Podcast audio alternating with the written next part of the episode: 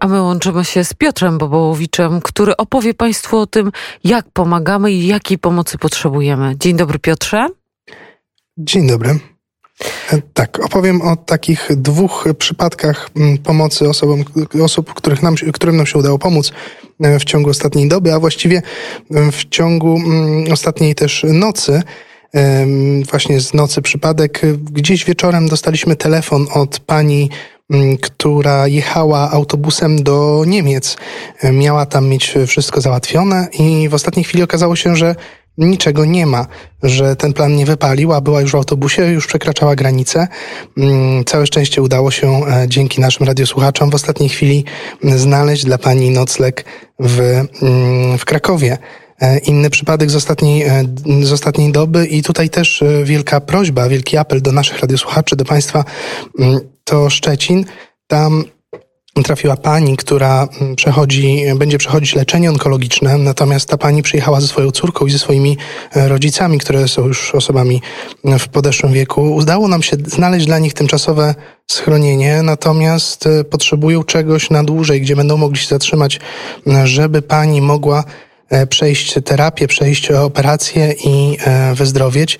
Mm, tutaj Szczecin, bardzo prosimy o jakieś sygnały. To będzie trzy osoby, mm, do właśnie, które potrzebują schronienia w Szczecinie. Mm, oprócz tego nadal potrzebujemy, bardzo potrzebujemy osób, które chcą ugościć uchodźców z Ukrainy w dowolnym mieście, ale też mniejszej miejscowości, czy nawet na wsi, bo jest bardzo wiele rodzin takich większych, które teraz wyjechały, albo wyjeżdżają, które też potrzebują schronienia.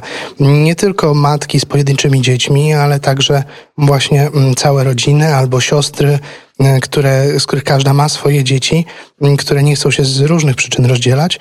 Także też bardzo, bardzo prosimy o takie, takie oferty pomocy, jeżeli Państwo dysponują taką możliwością. To jest y, nasz apel. Ukraina małpa wnet.fm. E, przed chwilą Janek, e, który wszedł do studia, powiedział o tym, że przede wszystkim, jeśli chodzi o pomoc, liczymy też na konserwy, taką żywność, która jest zakonserwowana, bo ją najłatwiej dostarczyć i przewozić i tę, tę, na tę pomoc liczymy.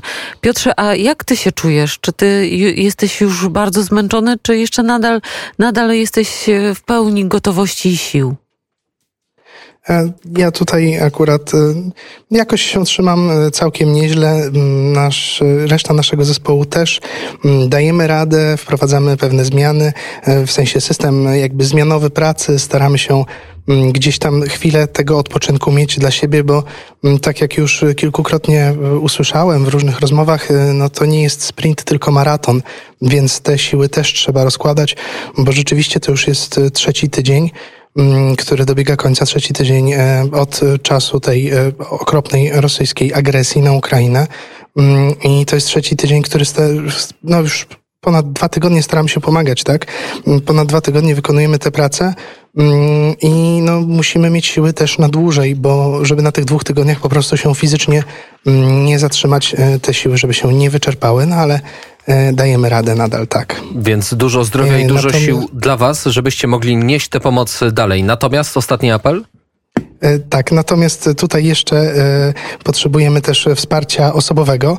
Mm, potrzebujemy kogoś z językiem ukraińskim, rosyjskim, i językiem polskim e, jedną osobę, która byłaby nam w stanie pomóc w naszym zespole Radia Wnet, mm, ale poszukujemy też e, kogoś e, z wykształceniem albo kształcącego się na pedagoga bądź psychologa, mm, kto byłby gotów na kilka, no na jakiś czas pojechać i pomóc zajęciu się dziećmi ewakuowanymi z Mariupola. Mm, oczywiście zapewnimy takiej osobie mm, zakwaterowanie i wyżywienie, natomiast no, jakaś na przykład studentka mm, pedagogiki z Ukrainy, która studiuje tutaj w Polsce, byłaby idealną e, wolontariuszką właśnie na tę pozycję. Także też prosimy o zgłoszenia na ukraina małpawnet.fm. Studentka bądź student. Powiedział Piotr Bobołowicz. Dziękujemy serdecznie za to, co robisz i życzymy jeszcze raz dużo, dużo zdrowia i sił Tobie i całym, całej ekipie. Dziękujemy bardzo. Dziękujemy bardzo. Do usłyszenia. Do usłyszenia.